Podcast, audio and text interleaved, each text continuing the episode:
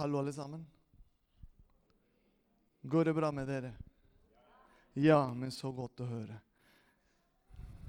Det går bra med meg. Ida, ja, nå er vi i praksis. Det er bra. det er bra. Egentlig, nå kan jeg si det går bra med meg, men noen dager siden Det har ikke vært lett. Det kan jeg anerkjenne til alle dere. Og når man står her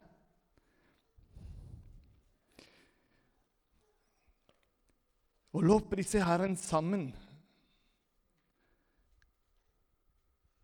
Og dere sang det sammen med meg. Og legge mitt Jeg legger Jeg legger mitt alt Er det norsk? Eller nynorsk? Eller svensk? Det er nynorsk, ja. ja men når, når, Jeg er så takknemlig at jeg venta på den sangen. Jeg visste ikke at dere skulle synge det, men den går rett i tråd av det på en måte jeg skal formidle i kveld. Jeg legger mitt alt, min ære, ned. Egentlig, hva betyr det for deg og for meg, det der?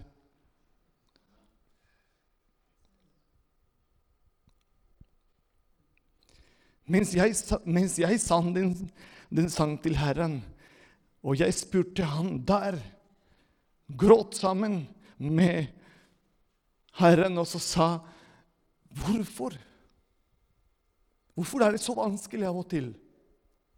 Kanskje du lurer på hva du snakker om? Fernando? Ja, det er sånn at det, Forrige søndag sa jeg at vi skulle være en forsamling at vi skal bli prega av ærlighet. Det å si 'Hvordan går det med deg?' I dag går det ikke så bra. Det er ikke farlig. Det å være ærlig med hverandre, det er en styrke i Jesus' menighet. Da kan vi gå inn og hjelpe hverandre. I våre svakheter, som alle oss her, da kan vi komme hver enkel med hverandre styrke. Altså, dette har jeg ikke mine notater, og det er ikke det jeg på en måte har i mitt hjerte til å formidle. Men, men Herren minte meg, der hvor jeg var og sang til Herren det der Husk på Gideon, Fernando. Og da kom det en tanke med en gang. Gideon, Herre. Og så fikk fort til å lese Og det er en engel Jeg skal ikke gå gjennom hele historien med Gideon, men det er en engel som kommer til Gideon og sier, 'Herren er med deg, du mektige kriger'. I den punkten, når englene sa dette til Gideon Gideon var ikke helt sånn i, hum, i godt humør, for å si det sånn. Og sånn ha, hadde jeg hatt den uh, forrige uka. Gud vet hva jeg snakker om. Jeg trenger ikke å gå i dine detaljer. Det har ikke vært lett. Det har vært eh, tung og vanskelig. Og... Men Gideon sier, 'Herre, hør på meg.' Han var sint. Han var frustrert. Hvis Herren er med oss, hvorfor har da alt dette hendt oss? Hvorfor går jeg gjennom sånne type uker? Hvorfor opplever jeg sånne type dager? Hvorfor får jeg ikke noe bønnesvar? Hvorfor? Skjønner jeg ikke når jeg leser ditt ord? Skjønner jeg ingenting? Hvorfor? Og, og dette er akkurat nå, mens jeg sang. Dette er ikke noe jeg har i, i min forberedelse I min, eh, ja, den budskapet jeg har. Og det står tydelig igjen. Da vendte Herren seg til han og sa, 'Gå av sted så sterk som du er.' Hmm. Og da kommer Og du skal frelse Israel fra midjanittenes hånd. Og da sier dette her, som er nøkkel for meg og for deg. Har jeg ikke sendt deg? Har jeg ikke snakket til deg? Det er eh, en stor parentes mellom all dette som jeg formidler til dere. Så tenk over det. Reflektere over jeg legger mitt alt, min ære, ned. Det jeg vil formidle, det jeg vil dele med dere, er det noen som, eh, som har prega mitt, mitt kristenliv, liv, min åndelige liv, siden jeg sa ja til å følge Jesus. Og det handler om Nå skal jeg prøve å si det riktig. Erik hjalp meg noen no minutter siden, for jeg skulle si helt feil. Nå dere kommer til å skjønne hvorfor. Altså, den overskriften er 'sunne venner'. Er det riktig sagt? For jeg, jeg skulle si 'vanner', og da blir det feil. Men 'sunne vaner'. Er det riktig? Det er opptak, skjønner du, så det må høre seg riktig. Alle oss, på en eller annen måte, har vaner. Riktig? Hvis ikke, da kan si det med en gang. Jo, det har du. På en eller annen måte du har sunne vanner. Ja, hvor, øh, ja, Hvis meg, Fernando, kanskje du lurer på. Ja, pusse tennene, for eksempel. 99% hvis jeg kan si det, eller 100% av alle som er her, pusser tennene når dagen begynner. Og det er en sunn vane av å pusse tennene fordi du vil ta vare på tennene dine. Hvis ikke du får konsekvenser til det, da er det vondt. Da må du gå til tannlege, og det er ikke noe hyggelig. Gud velsigne alle tannlegene i hele verden, men eh, de fleste har noen opplevelser, spesielle opplevelser med tannleger, selv om det er godt når du får tennene dine på plass. Men tilbake til sunne vanner. Og jeg tenker Det gjør du automatisk. Det gjør du når du våkner. Altså, det er noe som går med en gang. Det er noe som venter litt. Men uansett, du går der også. Jeg skal ikke gå dypt det å pusse tennene, hvordan du skal gjøre det, det skal jeg ikke gjøre. Men poenget mitt er at eh, du har noe. Andre ting er å spise frokost, f.eks. Og da jeg vil gå inn lite grann, for jeg nemlig fikk hjelp av noen her i menigheten å lære meg å spise frokost. Ja, jeg gjorde ikke det før. For jeg syns det var ikke nødvendig, jeg syns det var ikke så viktig. Jeg kunne spise litt senere en sånn eh, brunch, heter det. altså Det er frokost og lunsj sammen. Men jeg fikk råd, jeg fikk som på en måte hjelp av noen av dere her. Disse som var med meg på kontoret tidligere, som er ikke lenger, og noen som er nå i dag på kontoret. Og noen av dere her i menigheten. Du må lære deg å spise frokost. Og da er det opp til meg å si sant. Dette er noe som er godt for meg, og som skal hjelpe meg i min hverdagen. Og da må jeg ta en Hvordan jeg skal si det? Viljen min vil ikke, men da må jeg tvinge viljen min. Dette er godt for deg, Fernando. Gjør det! Og begynte å gjøre det med samarbeidet med min kone, med samarbeidet med de som anbefalte meg å gjøre det. Jeg snakker om frokost, folkens. Og dere kommer til å forstå hvor skal jeg med all dette her med sunne vanner.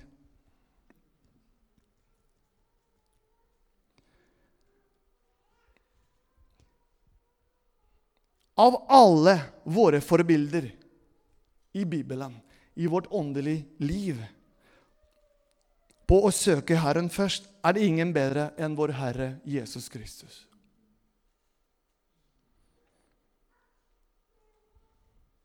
Han satte sin far først i absolutt alt. Vi begynner å se denne prioriteringen under påskebesøket i Jerusalem da han var tolv år gammel. Da moren konfronterte han etter at de hadde funnet ham i tempelet, sa han, 'Jeg må være i min fars hus'. Derfor skal vi åpne Bibelen i Lukas evangelium, Lukas evangelium, kapittel 2, vers 46.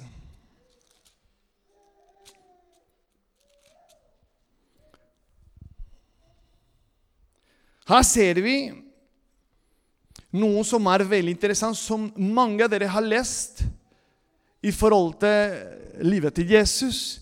Og jeg er så glad at uh, ikke så lenge siden her i menigheten, omtrent en måned siden, vi begynte hver tirsdag klokka seks med, med, en fin gjeng av gutta. Og samtidig nå sier jeg det er åpen også for uh, kvinner uh, å studere Bibelen. Som sagt, hver tirsdag klokka seks. Det er helt åpent for alle. Eh, hvorfor gjør vi det? Jeg kjente i mitt hjerte etter jeg egentlig før i fredag fullførte mine studier av Det nye testamentet i en akademi, bibelakademi. Og fra meg til nå fullførte jeg det. Og jeg er så takknemlig til Gud at jeg fikk gjøre det, og nå kan jeg videreformidle det til andre her i menigheten.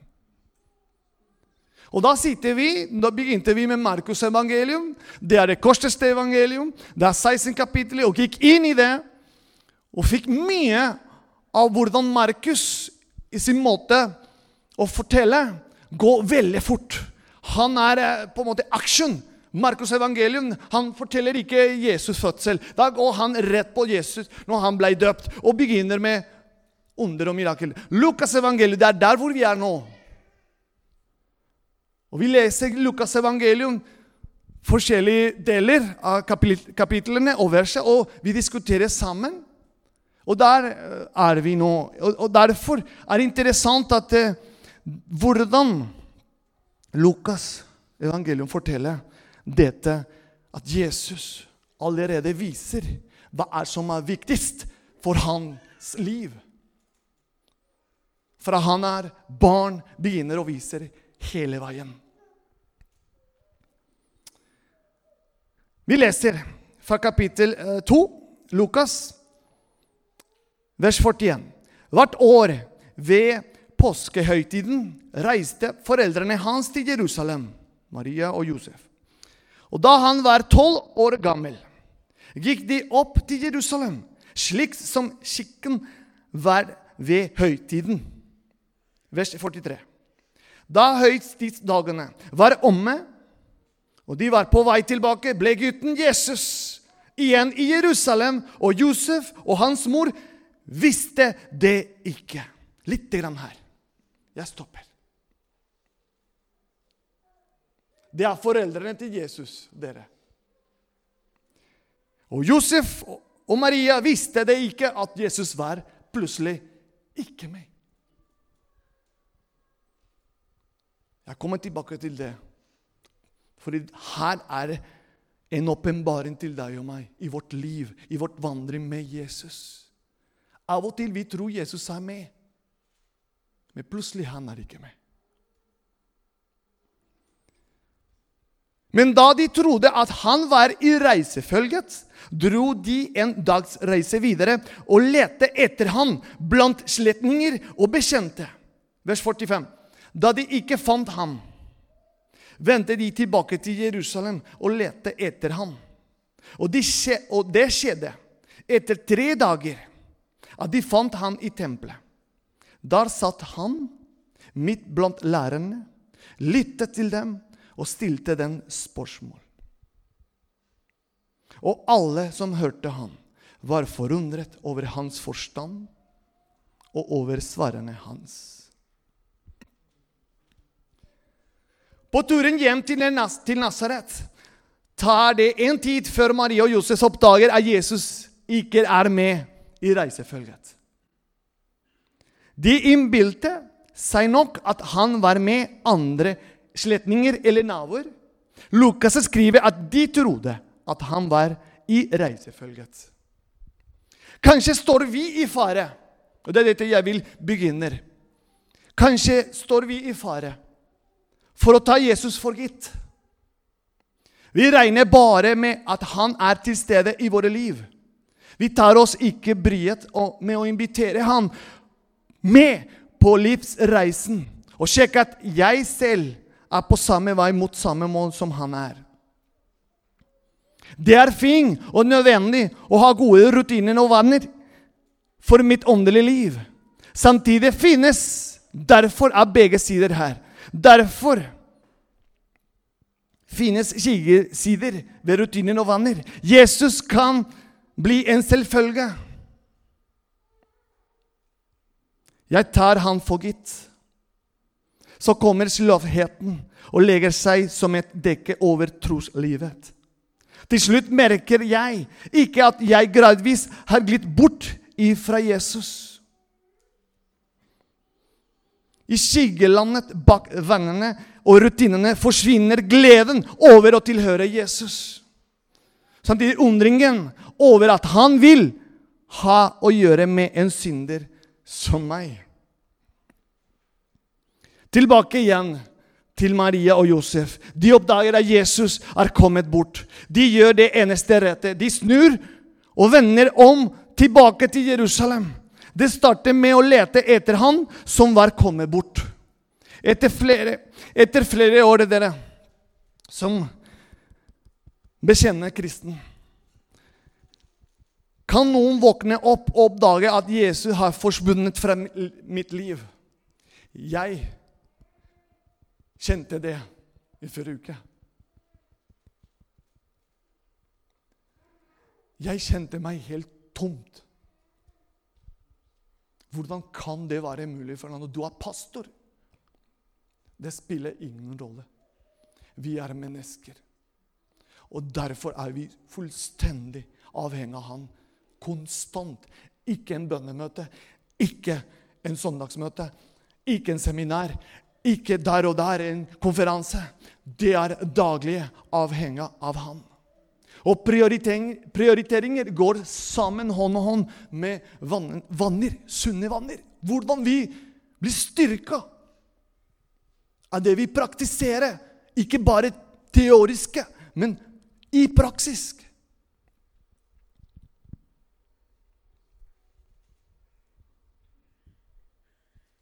Hvor var jeg i live da jeg sist levde bevisst med Jesus? Har du stilt det spørsmål til deg selv? Når og hvorfor begynte jeg å gli bort fra ham? For du merker ikke det. Hvis det er ikke noen som tørrer, fordi de elsker deg, og sier fra Du, hva er det som skjer med deg? Men i dag, samfunnet, du kan ikke gjøre det, for det kommer med en gang Hvem er du? Hvem er du? La meg, la meg leve som jeg vil. Når du tørrer, med en kjærlig måte Jeg kommer ikke med pekefinger, men bare for, å, for grunn av at du elsker den personen. Du, du, ser potensialet som ligger i den personen, og du vil det beste for den personen. Derfor kommer jeg å si det til deg. Det er veldig populært nå på en negativ måte at når du spør noen hvorfor er du ikke på møte, da kommer den holdning med en gang. Du kjenner med en gang det er en vegg. Pang! Det er ikke ditt problem. Man sier ikke det, men holdning sier det med en gang. Og det er bare en enkelt spørsmål. For jeg bryr meg om deg. Jeg vil det beste for deg. Jeg ber for deg. Den biten Vi må bryte det.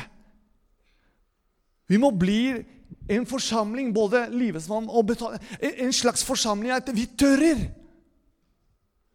å bry oss om hverandre, på godt og vondt.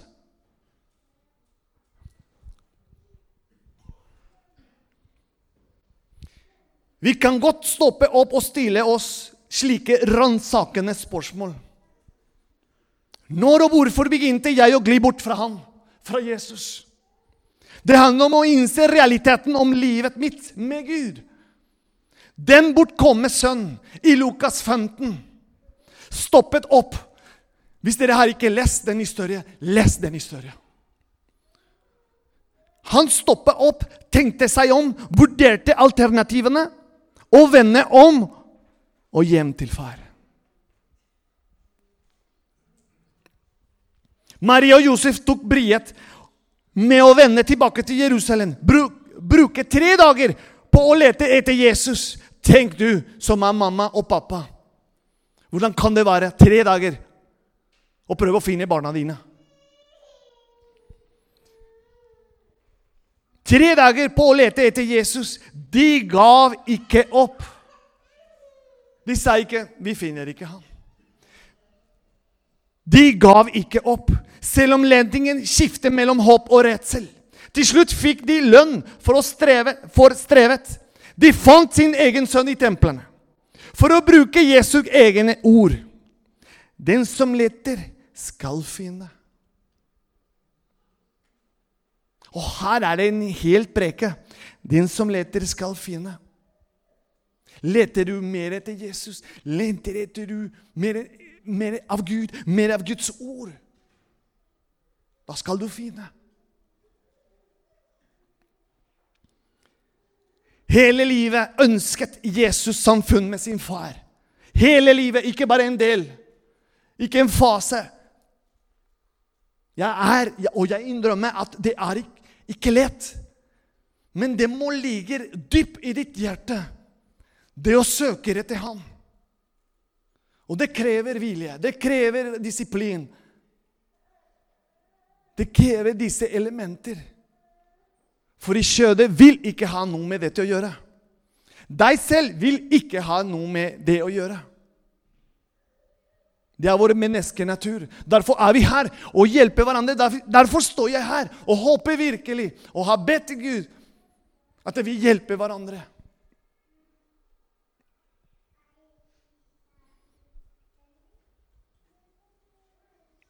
Hele livet ønsket Jesus samfunn med sin far. Det ser vi at hans bønneliv Dere ser det i din bibel og min bibel. Vi ser hvordan Jesus var avhengig av ham. Tidlig om morgenen han våkna og søkte Herren. Jesus også. Han kunne si vet du hva, jeg er Gud, jeg trenger ikke noe å våkne tidlig. Men han gjorde det fordi han trengte det. Han er avhengig av ham.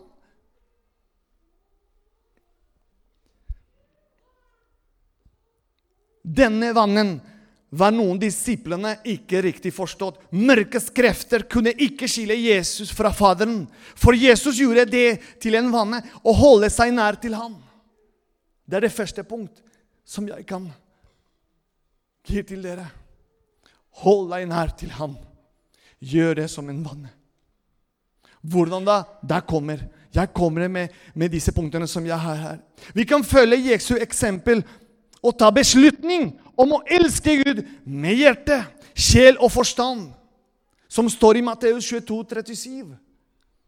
Når vi ber, studerer Guds ord og søker å etterligne Jesus' karakter i alt vi gjør, utvikler vi vannen med å sette Gud først i vårt liv.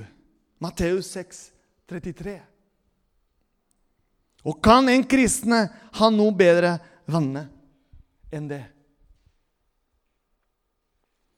Å bygge gode åndelige vanner krever, som sagt tidligere, vilje, disiplin, hjelp av Den hellige ånd.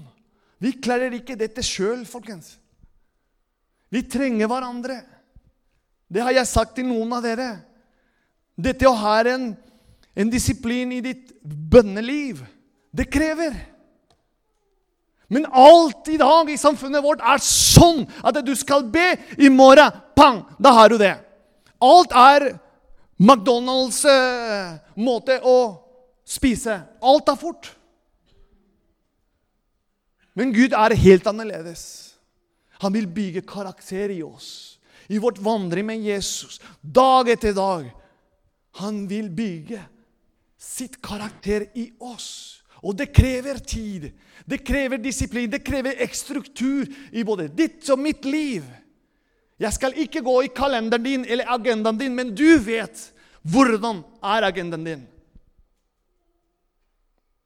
Dere, jeg virkelig nå snakker med hele mitt hjerte, for jeg vil det beste for dere. At dere skal oppleve gjennombrudd i deres liv. At det blir ikke en boring eller kjedelig vandring med Jesus. Han vil at vi skal vandre med han med en spennende liv. Både med sorg og glede. Han er trofast, han er med. Spørsmålet er at du har anerkjent at han er med.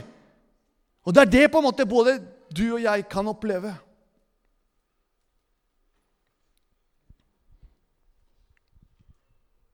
Å bygge en levende åndelig praksis krever gjentagelse. Dag etter dag, uke etter uke, år etter år fortsetter vi med å lese Guds ord. Be, feire de kristne høytider, være sammen i fellesskapet på søndag, på bønnemøter. De anledninger og arenaer som menigheten her, for å samles. Eller vi kan være hjemme. Gode vanner kan bygge karakter i oss til Guds ære. Et godt eksempel på en vanne i kirkelig sammenheng er sangen. Og Det er derfor jeg er så glad at vi sang den sangen 'Majestet'. oss. Augustin Du vet ikke hvem er han, men han er en av Oldens kirkens største teologer. Sa noe lignende som at den som synger, ber dobbel. Når vi synger til Gud, Tenk på det. Og det er godt sagt. Det likte jeg. Derfor jeg noterte det. Ber dobbel.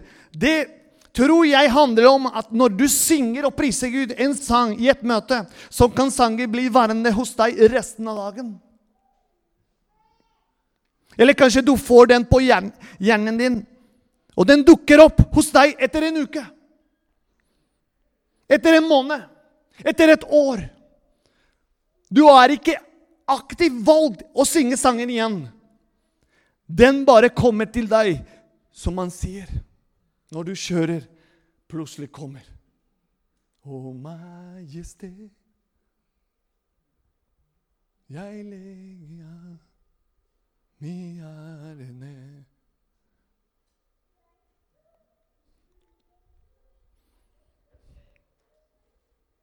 Og om sangen har en bønnetekst, så sitter du plutselig der uten å ha, uten å ha gjort noen ting, og ber gjennom sangen. Og Det har vi begynt å gjøre på tirsdag når vi samles på bønnemøte. Vi begynner å synge de sangene som ligger på sånn evangelietoner, eller de salmene. Og det er så nydelig. Vi synger sammen, og det er en bønn som løftes. Og det gjør vi her på søndag også. Til slutt, dere. Helt konkret nå. Hvordan Fernando, gjør vi dette med sunne vanner? I forhold til bønn, i forhold til Bibelen. Med ydmykhet jeg har notert noe som jeg sjøl praktiserer, og har sett av mine også mentorer og pastorer, som har også hjulpet meg med min familie. Og Derfor jeg vil videre gi dette til dere. Bønn, ordet, Guds ord. To essensieller i både ditt liv og mitt liv. Har du de to på plass, da kan vi dele ordet på forskjellige ting. For eksempel høre. Det å høre ordet. Det kan du gjøre hjemme, eller på søndag, eller på jobb, eller på bønnemøte. Du bestemmer, du bestemmer når og hvor, men finn en fast dato for å gjøre det. Det krever. Det krever av deg. Jeg skal ikke være der med sånn kamera eller ringe deg. 'Har du lest?' Nei, jeg skal ikke gjøre det. Det er mellom deg og Gud. For eksempel lese ordet, høre ordet, lese ordet. Bruk tid med Guds ord. Finn en bibel, en leseplan i telefonen din. Eller lese Bibelen sammen med noen andre. Paulus skriver sånn Så kommer da troen av det budskapet en hører. Og budskapet kommer av Kristi ord. Det å lese ordet, det står i Salme 1. Særlig er det en som har sin glede i Herrens lov, og grunner på Hans lov når han vil. Nei, dag og natt. Og da kommer når du har bestemt deg. Studere Guds ord. Stå i apostelens gjerninger. De gransker Skriftene daglig for å se om alt stemte. Og i andre Timoteus Dette elsker jeg, hvordan Paulus gir sitt råd til Timoteus. Hør nå. Hver bok i Skriften Det er i 2. Timoteus 3, 16, 17. Hver bok i Skriften er innblåst av Gud. Det her Bibelen din og min er innblåst av Gud og nyttig til opplæring, til rett, til visning, veiledning, oppdragelse i rettferd. Så det mennesket som tilhører Gud, kan være fullt utrustet til all god gjerning. Dere, det er ikke jeg som kommer med dette, det er Guds ord som vil det til både deg og meg. Memorerer ordet. Jeg i Salme 119. Jeg gjør med ditt ord. Jeg gjemmer ditt ord i hjertet.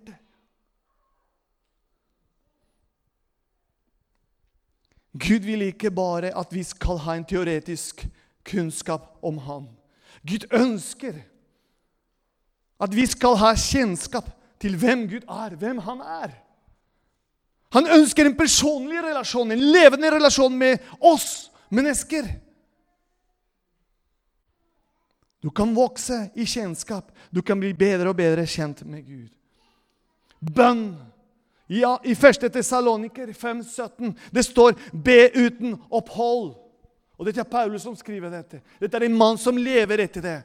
Daniel i Det gamle testamentet viser oss det sammen. Både på morgen, og etter middag og kvelden. Han var i bønn.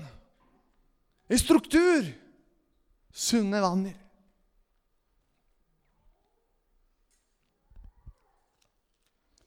Må Gud hjelpe oss, dere. Å få den holdning at vi kan anerkjenne, at vi kan forstå dette virkelig i vårt indre. At dette handler om, ikke om prestasjon. For da blir det slitsom. Dette blir naturlig. Dette blir godt når du strukturerer tida di. Når du på en måte OK, nå, for eksempel, jeg har begynt å svømme. Tre, gang, tre ganger i uka. Og var ikke lett, dere. For jeg gjorde dette Hvis jeg gjør ikke det, da blir jeg sittende på sofa. Da blir det enda mer smerte i kroppen min, for jeg tar ikke bare på kroppen min. Og da blir det en resultat av det. Da har jeg ingenting å klage. Det er en resultat. Det er en frukt. Punktum. Jeg må gjøre noe med det. Da begynte jeg å strukturere agendaen min.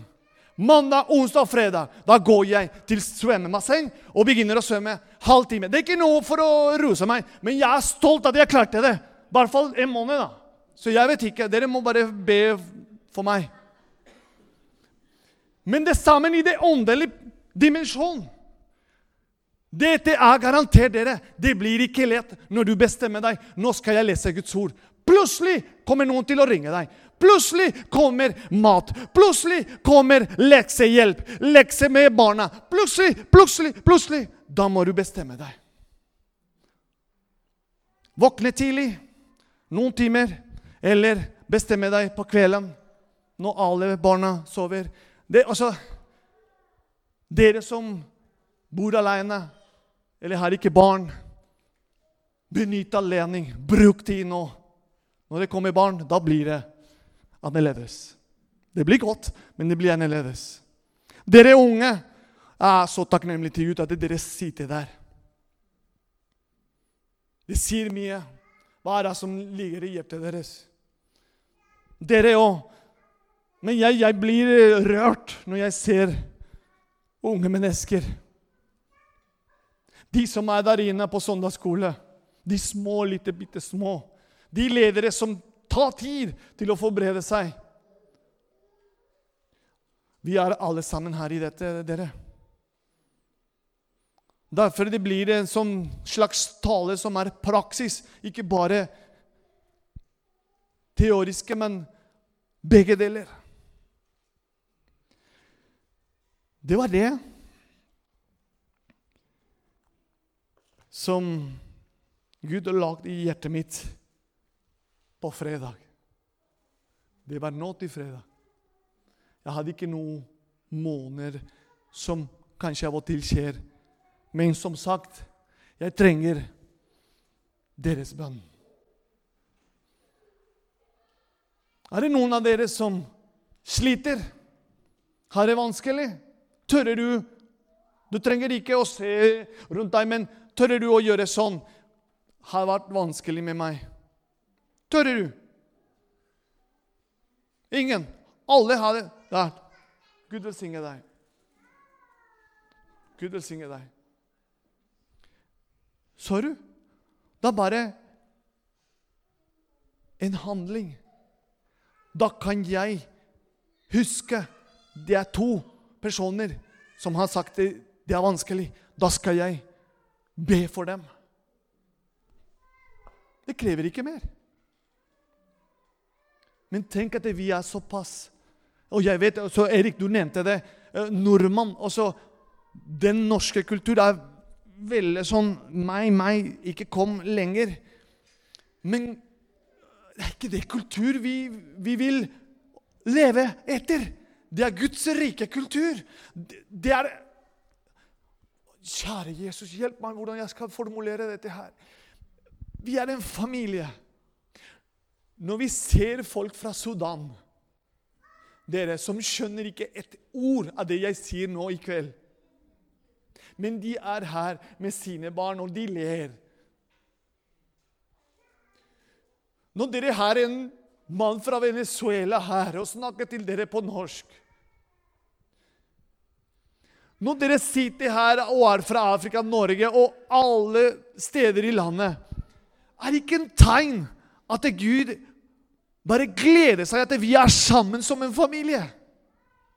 At vi kan stole på hverandre? At vi kan ha tillit til hverandre? Og tørre å si Henrita, Gud elsker deg. Hvis du sliter med noe, jeg er her. Bare ring, og vi kan være sammen. Ella, vi er sammen. Vi kan be for hverandre.